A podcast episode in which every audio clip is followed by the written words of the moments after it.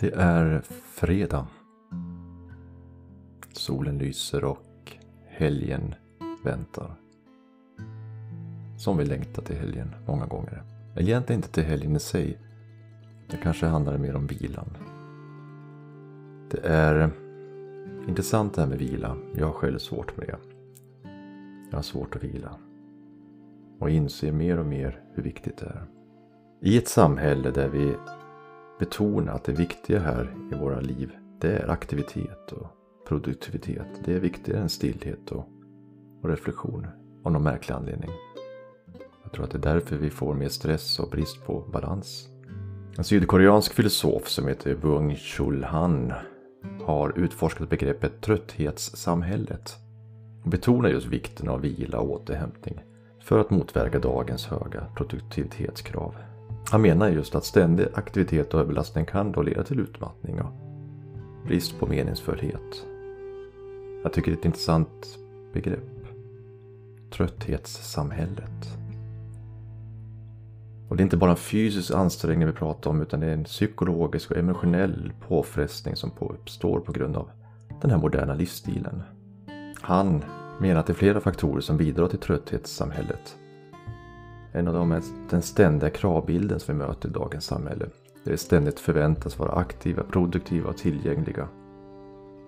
Och inte minst den digitala anslutningen och användningen av sociala medier också skapat en kultur av ständig uppmärksamhet och prestation. Och det här hänger ihop med, menar han, att vi ofta själva att ta, väljer att ta på oss för mycket. Att vi lider liksom av någon sorts självexploatering och att vi ställer orimliga krav på oss själva.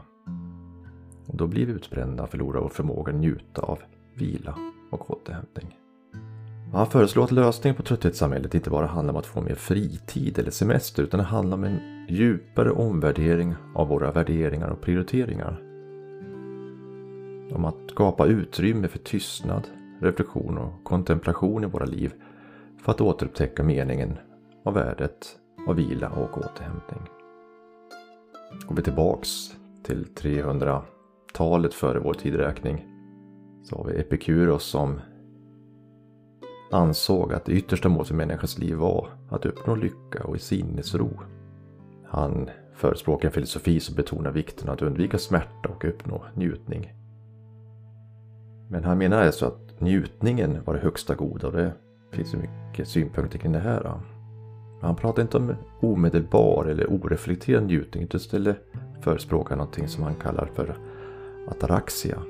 Och det är en sinnesro som uppnås genom att undvika överdriven lust och smärta. Han ansåg att det största hindret för människors lycka var rädsla.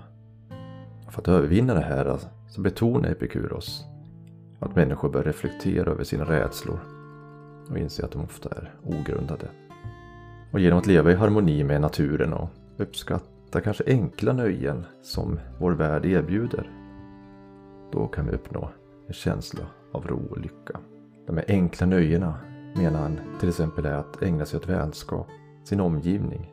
Han menar också att ha en äkta och meningsfulla relationer. Det är avgörande för människors lycka. Så när vi går in i helgen är det dags att vila. Tänker försöka göra det. En annan tänkare säger att vila, det är att låta själen gå omkring i tofflor. Jag ska träna på det i helgen. Sköt om dig.